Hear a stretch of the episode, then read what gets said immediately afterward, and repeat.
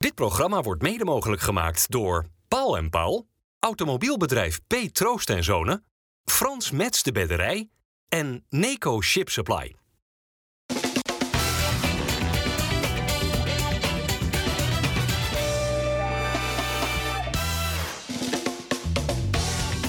Goedendag dames en heren, hartelijk welkom bij FC Rijnmond. Op deze maandag hebben wij hier aan tafel Sjoerd Mossou van het Algemeen Dagblad, Dennis van Eersel en uh, Harry van der Laan. Zometeen proberen we wat in de stemming te komen voor de wedstrijd van komende woensdag tussen Celtic en Feyenoord in de Champions League. Dat doen we onder meer met een uh, stukje prettig historisch besef. Maar Sjoerd, toen je vanochtend de krant, jouw krant opensloeg, bleek we zijn af van het bekertjesprobleem. Is dat zo? Voorlopig. Voorlopig. Ja. Nou ja, ik, ik ben altijd wel voorstander geweest van, van de maatregel op zichzelf. Ik vond alleen het protocol eh, af en toe eh, totaal uit de bocht vliegen. En daar ben ik nog steeds wel een beetje beducht voor. Want er zit nog steeds het gevaar in A, dat je zoals bij Ajax Feyenoord... dat je bewust een wedstrijd kan laten staken. Hè, als je een eh, ultragroep bent of een harde kern bent of hoe ze dat ook noemen. Dus dat is één. En ehm, ik ben nog steeds voor een beetje gezond verstand. Dat als je uit bij, weet ik veel wat, MVV speelt en er waait ergens een plastic beetje ergens in een hoek buiten het gebied van waar die spelers ook maar zijn, lekker doorvoetballen. Ja. Maar kun je wel stellen dat de maatregelen, of ze nou te streng zijn of niet, wel geholpen hebben? Ja, nee, tuurlijk. Ja, nee, ja, ja. Eh, sowieso ehm, ten opzichte van hoe de oude situatie was. Ja. Ja.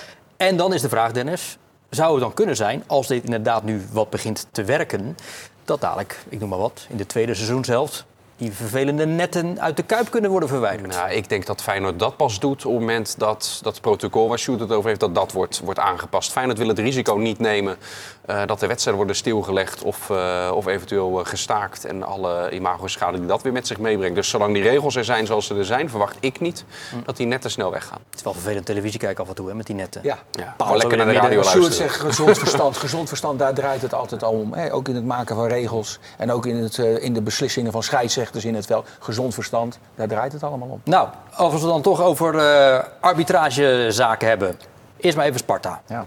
Zometeen over Feyenoord natuurlijk tegen Celtic. Ehm, Nou, Sparta- Op bezoek bij Ajax. Ja. Had het na die 2-1, toen ze die 2-1 maakten, er niet gewoon veel meer ingezeten voor Jazeker, Sparta? maar het begint wel met zo'n eerste helft... Hè, waarin je eigenlijk de wedstrijd eh, volledig... Ik vind dat Sparta dat trouwens toch veel te veel doet dit jaar.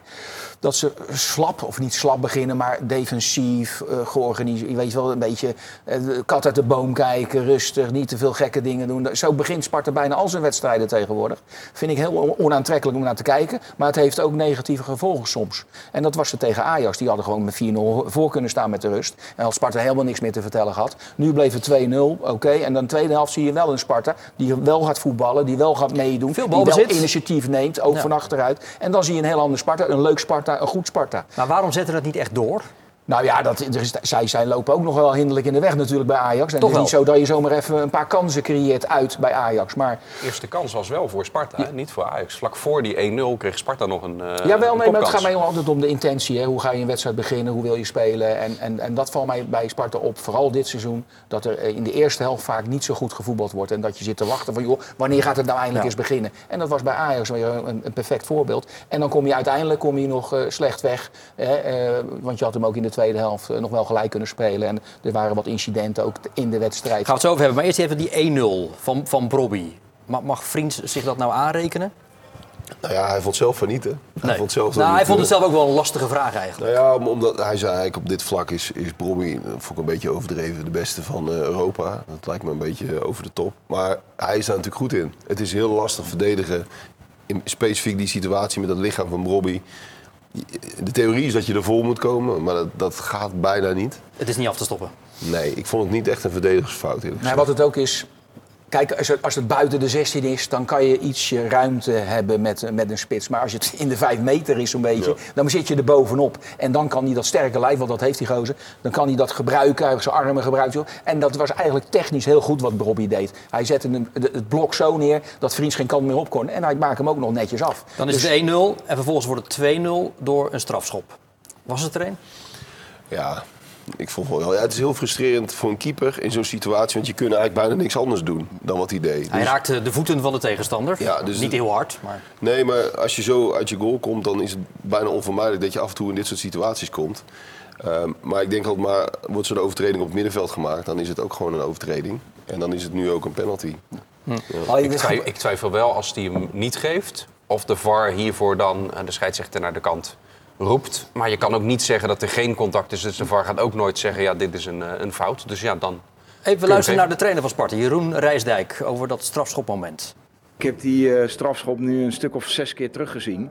Ja, ik vind hem gewoon heel gemakkelijk gegeven. Dus ik vind het gewoon een goedkope penalty. En de scheidsrechter is bepalend. Dus als hij bepaalt het is een penalty, dan is het een penalty. Dat, dat moeten wij accepteren. Alleen, ja, ik vind het wel gemakkelijk gegeven. Ik vind dat Bobby eh, op het laatste moment tegen Nick aanloopt. Terwijl eh, er gezegd wordt, ja, Nick komt wel wild uit. Nou, ik vind het alles wel behalve meevallen. Eh, dus Nick ligt daar al op de grond. En hij tikt die bal er langs. Bal gaat drie meter naast. Ja, en hij valt over de voeten van Nick heen. Dus ik, ik vind het gemakkelijk. Tuurlijk heeft Ajax ook een aantal kansen gehad. Maar die hebben wij ook gehad.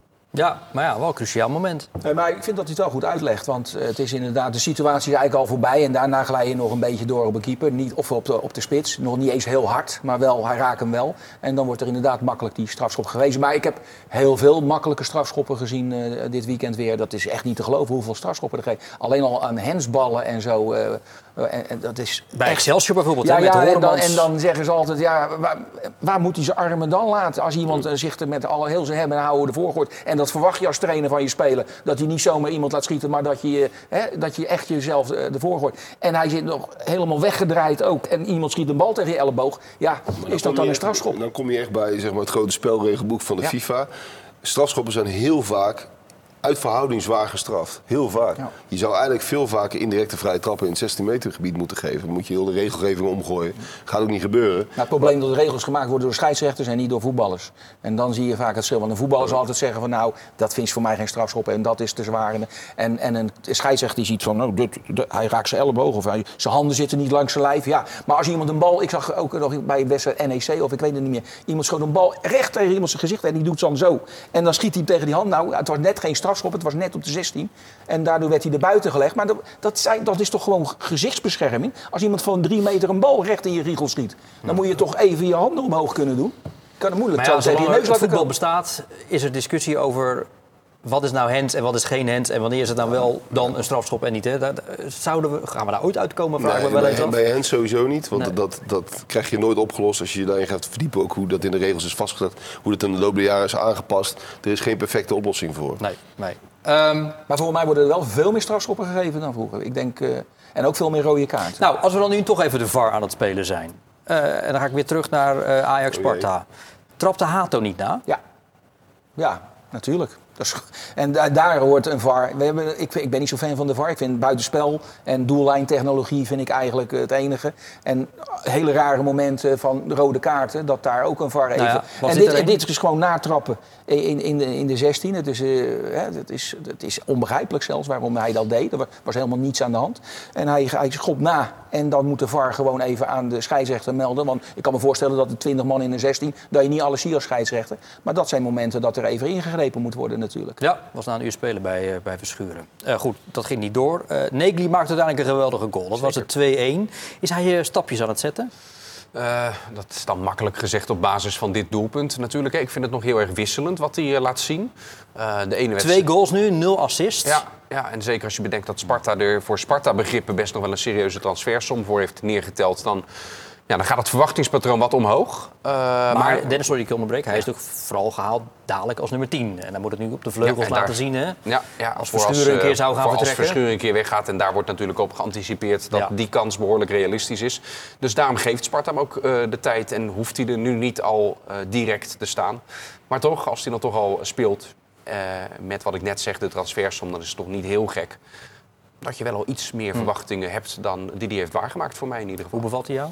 Nou, het gaat mij, eh, zeker als je gewoon een goed draaiend elftal hebt, hè, dan, dan moet het toch wat makkelijker zijn voor buitenspelers ook. Om iets meer te brengen dan twee goals en een assist natuurlijk. Nee, nul zelfs. Of, nou ja, maar dat je als je, als je in die onderste, hè, als je in die positie zit waar Vitesse zat en eh, eh, Volendam en Utrecht, weet je dat het echt moeilijk gaat en het elftal loopt stroef en je, de resultaten zijn slecht, dan is het wel eens moeilijk, vooral voorin, om eh, tot goede prestaties te komen. Maar als je een, een elftal hebt wat goed staat, de organisatie is perfect, dan moet er veel meer, eh, ja, moet je veel meer brengen. Dingen. Klaar. Oké. Eh, Mike Eerthuizen die maakte na hoeveel maanden? Een maand of vier dus een eh rentree. Heeft even geduurd. Eh, overigens, hij speelde niet eh, als centrale verdediger. Hè? Werd als spits eh, nog even ingezet. Ja, maar lengte natuurlijk. Tuurlijk, ja. Maar, maar gaat hij Thijs Veldhuis lastig maken als centrale verdediger? Nou, dat gaat nog wel een, eh, een ei worden dat gelegd moet worden in de winterstop sowieso. Hè. Alleen omdat we nog maar één wedstrijd en een bekerpotje te gaan hebben. Maar Veldhuis heeft Ja. geen enkele reden gegeven om uit die ploeg gehaald te worden. Hij maakte een hele stabiele indruk. Had nog een grote kans ook degelijke in de arena. verdediger. Ja, hij, Velder speelde eigenlijk hetzelfde zoals Eerthuizen vorig seizoen eh, speelde. Hè? Dus heel degelijk, eh, krachtig, kopsterk, noem al die dingen. Maar ze hebben een beetje dezelfde kwaliteiten. Het lijken, ze lijken een beetje op elkaar wat dat betreft. En dan is het toch moeilijk om die eruit te spelen. Vooral omdat er geen enkele reden is om hem eruit te halen. nee. Nou ja, als hij nou nog blundertjes maakt, en foutjes daar links en rechts... dan is het voor een trainer toch wat makkelijk om te zeggen... nou, ik breng hem wat eerder. Enorme verrassing, die Veldhuis. Eh, ik heb hem vorig jaar bij NAC gezien. Eerste divisie kwam hij op de bank. Eh, Heel terecht. Was ook helemaal geen discussie over. Was heel logisch dat hij op de bank terecht kwam. Dus bij een eerste divisieploeg. Gaat naar de eredivisie naar Sparta en doet het daar zo goed. Helpt wel enorm dat hij daar natuurlijk een routine naast zich heeft. Dat heeft hem enorm, enorm geholpen, denk ik. Met Dat gold, dat ook voor Eerthuizen natuurlijk, vorig seizoen. Ja. Maar boven verwachting, echt knap. Ja, zeker knap. Al, nog even luisteren naar Rijsdijk over wat er dan uiteindelijk toch aan schortte gister, of, eh, zaterdag bij Sparta. Ik vind dat we vandaag ook meer hadden moeten scoren. Maar dat is wel een euvel eh, dit seizoen. Ik vind dat we gewoon te weinig scoren. Terwijl we wel de kansen krijgen. Dus het gaat over effectief zijn in die 16. En, eh, maar als je puur kijkt naar hoe we daar komen. eh, en dat, ik denk dat veel mensen van ons verwachten dat wij de lange bal spelen op Tobias. En dan de tweede bal winnen. Maar ik denk dat we vandaag ook bij Vlagen heel goed hebben aangevallen. via, de, via de flanken, over de grond, kantwissels. ja, ik denk dat, dat Ajax ook geen grip had op ons in de tweede helft. En ja, dat, dat verdient een groot compliment aan mijn ploeg. Maar wel een nederlaag. Nog één ding even over Sparta, Sjoerd. Oh, jij wilde wat zeggen? Nou, eh, kijk, Lauritsen, hè, dat is natuurlijk vorig jaar een topseizoen. Hè? Maar toen maakte hij 12 doelpunten. Dat, is- dat zijn geen cijfers waar je van achterover slaat natuurlijk hè, in de Nederlandse Eredivisie. Als je een goede eh, een topseizoen draait als spits, dan moet je zo tussen, eh, tussen de 15 en 20 goals moet je eigenlijk wel minimaal maken. En ik kijk, als je naar zijn verleden kijkt, is het ook geen speler die echt heel veel goals heeft gemaakt in zijn carrière. Eh, bij één club heeft hij het goed gedaan. eh, eh, ik, weet even een ODB of weet- ik weet niet hoe hij dat uitspreekt. Iemand die club uit Noorwegen waar hij vandaan komt. Daar Ja. heeft hij één aardig seizoen ooit gedraaid. En, van, van meer dan 20 goals of zo. Of Mhm. iets in de buurt. Maar voor de rest is het gewoon een jongen van tussen de ja, 5 en 10 goals eigenlijk. Maar wel een heel belangrijk ja, aanspreekpunt, ja, nee, dat gaat niet om. Maar hij verwacht meer goals. Maar het is, je hebt wel een spits die toch een beperking heeft op dat gebied. Maar in andere opzichten weer wel belangrijk is voor het elftal. Oké, eh, ik wilde nog één ding eh, behandelen als het gaat om Sparta. En dan eh, richt ik me even tot de voetbalshirt-fetischist aan tafel. Bedoel, de- Nou ja, je hebt... De, mode- je- modepolitie. modepolitie, je, je, je hebt affiniteit met mooie shirts. Het paars van Sparta, Sjoerd. Ja, ik zit er even naar te kijken. Ik vond het wel mooi. Eigenlijk. Ook met die kraag erbij. Fiorentina een beetje. En Ja, dat heet dat. Ja, ja. Het had ietsje donkerder paars mogen zijn nog. Niet het antwoord dat je wilde horen, hè Bart? Oh nee hoor, ik het sta, ik sta er compleet neutraal in, zoals altijd. Ik heb Nee, helemaal maar niks hij heeft er met echt paars. verstand van. Ik heb helemaal niks met Ik paars. vind wel wat hebben. Ik vind Anderlecht en Fiorentina ook heel mooi. Dus dan kan dit ook. Oké. Ehm, overigens, ehm, wij waren natuurlijk voorafgaand aan dit seizoen ook wel benieuwd hoe een voormalig trainer van Sparta het bij Ajax zou gaan doen, Maurice Stijn. Hoe, hoe zou hij nu kijken naar Ajax? Eh, ja, dat zou je hem zelf moeten vragen. wat denk jij? Ja, dat doet natuurlijk een beetje pijn bij trainers. Dat lijkt me nogal wie dus. Dat, eh, als het daarna opeens begint te lopen, dan is dat, dat is niet wat je wil. Van 18 naar 5 gestegen. Ja, ja dat zegt wel iets. Over de trainer Maurice Stijn? Ja, en ook over hoe het ging. De, de combinatie eh, trainer Maurice Stijn met de club Ajax was in ieder geval geen goede combinatie. En dat wil niet zeggen dat hij niet zou kunnen functioneren bij een club van het kaliber Sparta, VVV, noem ze maar op. Het is maar net hoe het past. Maar dit was een beetje te groot voor hem. Ja, maar hadden ze niet met Stijn ook van Vitesse en Volendam en zo gewonnen? Want Ja, maar- Ajax wordt toch hoe dan ook minimaal vijfde? Ja, maar het gaat even, toch ook over het niveau dat je haalt. Het was toch werkelijk dramatisch. En dan werd er op een gegeven moment van gemaakt dat het niveau Excelsior was. Qua spelersmateriaal, een onzin. Ja, Ajax precies. heeft gewoon goede spelers. Dus als je gewoon de normale dingen doet en je voetbalt op een normale manier... dan sta je nooit achttiende. Nooit. Het is eigenlijk, hij, hij is niet goed begonnen. Hè. Dat is, eh, Van der Grijp zegt dat ook altijd. Hè. Je moet goed beginnen. Ook als speler moet je goed beginnen. Maar als trainer is, is dat niet anders. En als dat dan niet gebeurt, dan, dan kom je echt in zo'n negatieve spiraal terecht. Met één, en bij een grote club knalt iedereen erop natuurlijk. Hè. Alle media, maakt allemaal niet uit waar je vandaan. Internationaal Nederland. Alles, eh, en dan wordt de druk zo groot. En de spelers zijn zo ontevreden. Doordat je sneller gaat wisselen, je gaat sneller ingrijpen en zo. En dan wordt het een grote duiventil. En uiteindelijk is het vertrouwen dan weg bij de meeste spelers. En zeker bij de belangrijke spelers zie je het vertrouwen weg. En die worden ook kritisch in de kleedkamer. Waar je zelf meestal niet bij bent als coach. En dan gaat het helemaal fout. Dan gaat het echt helemaal fout. Oké, goed. Sparta krijgt het komend weekend de FC Twente op bezoek. Dat afgelopen vrijdag won van Excelsior. Ondanks dat Excelsior zo onwijs goed begon. Ja. Ja, maar ja, dan, dan komt er natuurlijk een, een, een dwaze tackle. Ik noem het maar een dwaze tackle. De rode kaart voor Ja. Sagre. Was het een terechte rode kaart? Natuurlijk, hij, ga- hij gaat erin als... En waarom nou? Begrijp, ik niet uit. Ik weet wel waarom. Omdat het vlak bij de dugout is van de coach. Hè. Die staat daar, tegenwoordig staan die coaches allemaal langs de lijn. Dus dat, dat helpt ook hè, in, Hij in- gaf zelf in aan die dat hij zijn tegenstander niet had zien aankomen. Dat wilde ik net zeggen. Ik wilde net zeggen, toch had hij een beetje pech. Daar ben ik echt van overtuigd. Het, hij kijkt op een gegeven moment ook de andere kant op. Dat zie je in een van die herhalingen. En het is, dat maakt het niet minder een rode kaart. Hè, dat het duidelijk is. Het is gewoon een rode kaart, er is geen discussie over. Maar die intentie, daar geloof ik hem wel in. Hij, ehm, hij zit eigenlijk in zijn dode hoek, die speler. Dus hij maakt een soort onbeholpen tackle. want Dat was. Onbesuist, ja. ja. Maar het feit dat hij, te- dat hij de tegenstander zo vol raakt, dat was wel pech.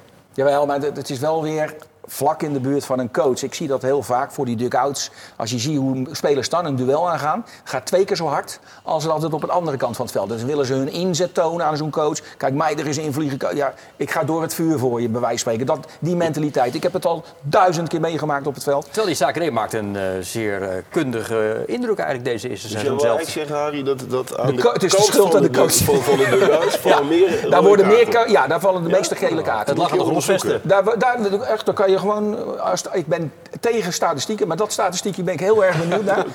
Maar hoeveel kaarten er in een, in een cirkel rondom die duckouts vallen. Dat is niet normaal, want iedereen bemoeit zich er dan ook Voer mee. voor het artikel Ik dit, vind hè? het een mooie theorie. Het is Ja, echt zo. ja. En nee, maar, dan, eh, Maar je punt ik was zeggen, 2-0. Ik moet eerlijk bekennen, ik heb ook wel eens wat harder een duel aangegaan. Toen ik in het begin van mijn carrière en die trainer stond daar. En eh, hoewel die, die zaten toen nog, maar je wilde toch even laten zien van kijk eens. eh, dat had je ook als Maar was geen kopduel, Nee, maar hetzelfde als een groot speler bij een training langs de lijn staat te kijken. Wim van Hanegem, kom even bij, het, bij de training kijken. Dan ga je ook anders trainen dan dat hij er niet is. Dat is echt zo. Dan wil je toch even laten zien, kijk, ik kan ook goed voetballen. Je weet wel. Maar terug naar, het was dus het kantelmoment. Want het stond 2-0 Ja, voor. Excelsior. Sterker nog, je zat misschien wel op de 0-3 te wachten. Ja. Nee, en dan alles zat tegen daarna. Je hebt die rode kaart natuurlijk en wat on, onnodig is. En dan ook nog in de blessuretijd, v- vlak voor rust, de, de, de, de aansluitingstref. En dan weet je, dit gaan we niet redden. Ja. Als die dat niet was, dan had je nog in de rust misschien het een en ander. Hè? En dan een tegenstander nog een beetje de eerste kwartier doorkomen en zo. Je kan dan een beetje daarop in gaan spelen. Maar toen die aansluitingstref kwam, dan weet je, Twente kan ook aardig voetballen. Hebben scorend vermogen en dan wordt het toch wel heel lastig. En dat, dat bleek ook aan het eind van de, van de Zal rit. eh, Troy Parrott voorlopig de eerste spits blijven van Excelsior? Dat lijkt me wel, ja. Die heeft sowieso ook bij zijn invalbeurten laten zien. Ik vind hem gewoon qua, qua voetballend vermogen beter dan Agrafiotus. Dus het was een kwestie van tijd dat hij erin kwam. En eh, nu hij erin staat, nou, hij pakt zijn goals mee. Dit Ja. was ook gewoon weer een hele knappe. Hele en de knappe goal, hè? Ja, gewoon een Ik had niet goal. verwacht want in het begin, de eerste twee, drie wedstrijden, toen, hij, toen zag ik het nog niet zo hoor, bij hem. Maar hij is pas de laatste wedstrijden, zie je echt dat hij loskomt en dat het vertrouwen er is. En dan maakt hij ook zijn goals. En is dat dan ook het recept zoals ze bij al tegen Twente spelen? Hè, met vijf man eh, achterop en dan eh, Parrott in de diepte gebruiken? Is, zou zou Nou, dat dan dat- toch voor punten moeten gaan zorgen? Ik geloof daar nooit, nooit zo in vijf, vier, die vier verdedigers. Dat geloof ik allemaal Oh, daar zijn ja, dat hangt van je, mee tegen- aangesteld, hangt hè, van je daar, eh, tegenstander af. Hè? Want, eh, als de tegenstander met vijf spitsen speelt, dan heb jij er zes achterin. En als de tegenstander met één spits speelt, heb je er twee nodig of drie nodig. Dat is, dat is- weet je wel, da- daar hangt het allemaal vanaf. Maar je kan, eh, dat is de basisopstelling, zo begin je een wedstrijd. En daarna gaat het echt beginnen hoe je gaat spelen. Of je meer mensen aan de, aan de zijkant moet hebben, of meer mensen in het centraal. Hoe je, weet je wel, dat, dat, de, de wedstrijd bepaalt dat eigenlijk. De Excelsior opstelling. staat nu twaalfde. Het is toch maar drie puntjes van plek 16. Ja. Ja, moet je niet over zeuren, toch? Nee? Dat is toch, nee joh. Eh, Excelsior, het is al ongelooflijk knap dat ze staan waar ze staan. En eh, ik moet, volgens mij heb ik ze in die eh VI-lijst ook ergens onderin gezet, eerlijk gezegd. Ja, maar de heer H. van der Laan Ik weet niet of hij al opgevallen is, maar hij zit vandaag aan tafel. Uh, die het heeft, gehoord? ja, die eh, heeft echt al een aantal weken geroepen. Excelsior, Twee vingers in de neus. twee vingers in de neus, linker rijtje. Oh nee, nou linker rijtje lijkt me een beetje Dat zei overdreven. dat zei maar hij. dat is ook een Ze beetje nou even overdreven. een mindere maar ze gaan zich op zich wel veilig spelen, want er zijn gewoon een paar elftallen zijn, zijn wezenlijk minder. Dus ik vind het echt, echt super knap en je moet je helemaal geen zorgen maken over waar je nu staat. Want het is meer dan eh, voldoende. Komt goed gewoon, Harry? Ja, ja, nee, maar ze, dit is, ik vind wel dat ze aanstaande weekend even een cruciale pot hebben. Go Ahead Eagles. Ja, die moet eigenlijk gewonnen worden. Je mag hem zeker niet verliezen. Gelijkspel, oké, kan tegen Go Ahead. Maar eigenlijk moet je hem winnen, want de eerste wedstrijd in het nieuwe seizoen of in het nieuwe jaar is PSV uit. Dus dat is een vaste nederlaag. En dan blijf je maar in die negatief, want ze hebben natuurlijk al zeven, acht wedstrijden niet gewonnen. Acht wedstrijden op rij nu niet nou, gewonnen, Dus, ja. dus je hebt even, eh, dit moet even doorbroken worden. Komend weekend cruciaal. Oké, heb je zin in eh, Celtic Feyenoord? Altijd leuk natuurlijk. Hè? Vooral, eh, je had het al voor in, aan het begin van de uitzending gezet natuurlijk. Een enorme historie heeft die wedstrijd. En eh, ik vind het wel altijd... eh, ik vind zo'n kut uitdrukking een mooi affiche. Let even op je woordgebruik. Het is een vervelende uitdrukking, hè? mooi affiche. Maar het is ook een wedstrijd hè, waar, waar je kansen hebt. Hè? Celtic, minstens gelijkwaardig. Eh, Feyenoord iets beter, denk ik. Maar eh Feyenoord zit natuurlijk wel even in een iets mindere pe- periode. Ja. Al zegt Slot van niet, maar het is natuurlijk... de cijfers wijzen uit dat het even wat minder is. En dan is zo'n wedstrijd eh, ja, een beetje gelijkwaardig. Twee gelijkwaardige tegenstanders. En eh, dat kan wel een mooie pot worden. En is het belangrijkste voor Feyenoord die eh, 2,7 miljoen euro op te strijken? 2,8 is het geloof ik zelfs. Elk tonnetje telt, eh, telt mee in de Kuip eh, nog steeds. Het geeft wel aan eh, dat Slot dat al een paar keer intern ook heeft eh, gehoord. Hè. Dat, eh, dat alleen daarom al eh Feyenoord daar goed voor de dag moet eh, komen. Dat geld is nog steeds nodig. Het gaat ook om hoe verlaag je dat toernooi. Hè. Eh, het gaat sowieso alleen maar met complimenten zijn. Maar kun je echt nog een beetje met opgeven over met negen punten. Wat gewoon een prima aantal is. Waarbij het dan ook net heeft tegengezeten het toernooi verlaten. Ik weet niet of het zo makkelijk wordt zoals Harry zegt. Want Celtic thuis tegen Atletico... ik zeg niet makkelijk. Het is een gelijkwaardige pot gaat Ja. het worden. En dat bedoel ik eigenlijk meer. Want zij gaan echt op de brommer. Hè. In, in, hè, hun laatste wedstrijd ook in de Champions League. En Ja. Dat is echt een, een tempo wordt daar ge- gedraaid. Dat kunnen ze bij Celtic. Ze hebben niet verloren hè? Nee, thuis in deze daarom poolfase. wordt het echt Dus- een hele pittige pot. Maar als Feyenoord een beetje leep, eh, moeten ze daar toch wel... eh, Hey, en Sjoerd, hoe eh, sfeervol gaat dat normaal, zo sfeervol Celtic Park nu woensdag zijn? Nu er sportief gezien niet zo gek veel op het spel staat. Nee, dat, dat is wel jammer, want het is een historisch affiche. mooi affiche. Ja, maar ehm, dat, dat is er natuurlijk een beetje vanaf. Het is niet een wedstrijd die, die echt toch heel erg ergens om gaat. Dat maakt het natuurlijk wel anders. En dat is voor Celtic ook zo. Die zijn al uitgeschakeld. Dus dat is, eh, dat is, dat is gewoon jammer. Daar kun je Ja. niet omheen. Ehm, het kan wel een interessante wedstrijd worden. En ik ben het helemaal met Dennis eens. Kijk, als je negen punten haalt... dan heb je het ook wezenlijk beter gedaan dan, eh, wat is het, vijf jaar geleden? Eh, 2017, ja, ja. zes Ja. jaar. Ehm, toen ging je de kansloze uit. Dan pakte je nog aan het einde wat puntjes toen het al gespeeld was. Dat was natuurlijk een, een kansloze missie. En nu heb je je echt wel laten zien. Je, telt, je hebt in ieder geval goed meegedaan. Dan horen er ook Je negen indruk punten. gemaakt. Ja, maar dan horen er ook negen punten bij. Ja. En dan kan je denken van ja, wat maakt het uit? Negen of zes punten. Maar daarmee laat je wel zien dat je veel verder bent dan toen. Ja. Hoeveel Feyenoorders gaan er allemaal wel niet mee? Duizenden gaan, Duizenden. Er, eh, gaan er die kant op. Eh, naast dat uitvak zit normaal gesproken dus ook wel jammer. Want je kan ook nog zeggen de sfeer op Celtic Park. Weet je, daar keek ik bij de loting ook naar uit. Eh, maar de harde kern van Celtic mag niet bij deze, eh, bij deze wedstrijd zijn vanwege een eh, straf. En die zit altijd naast dat, dat uitvak. Ja, een wedstrijd in Engeland, ik vind het altijd wel tof. Ook die sfeer in die stad. Er gaan er dus duizenden heen. Maar ik denk terug aan het bezoek aan Rangers. de twee bezoeken aan Manchester, ook rondom de kerstperiode.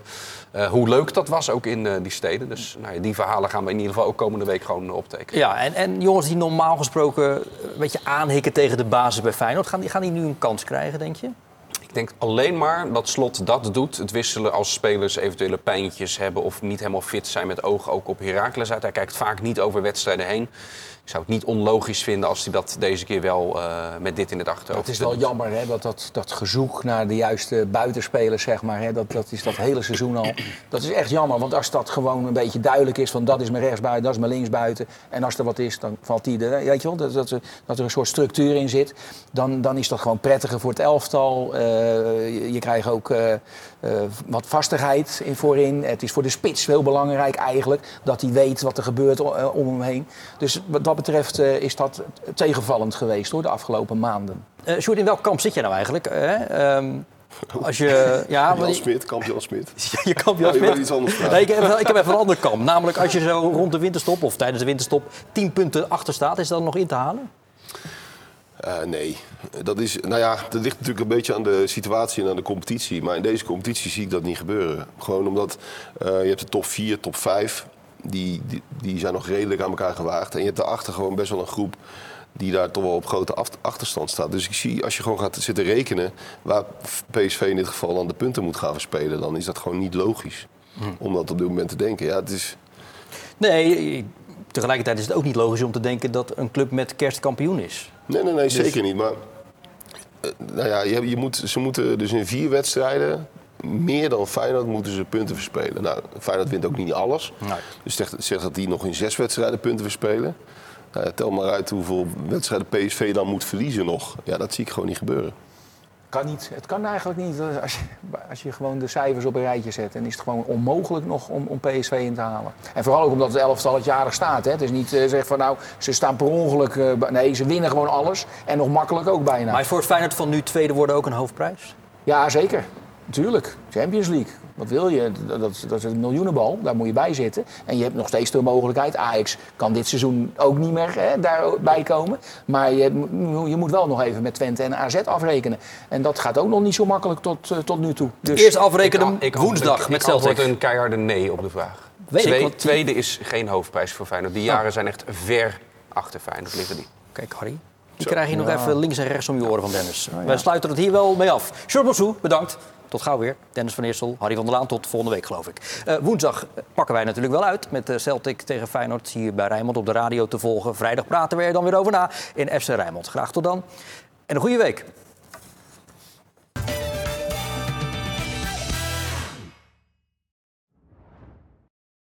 Dit programma werd mede mogelijk gemaakt door Paul en Paul, automobielbedrijf P. Troost en Zonen, Frans Mets de Bedderij en Neco Ship Supply.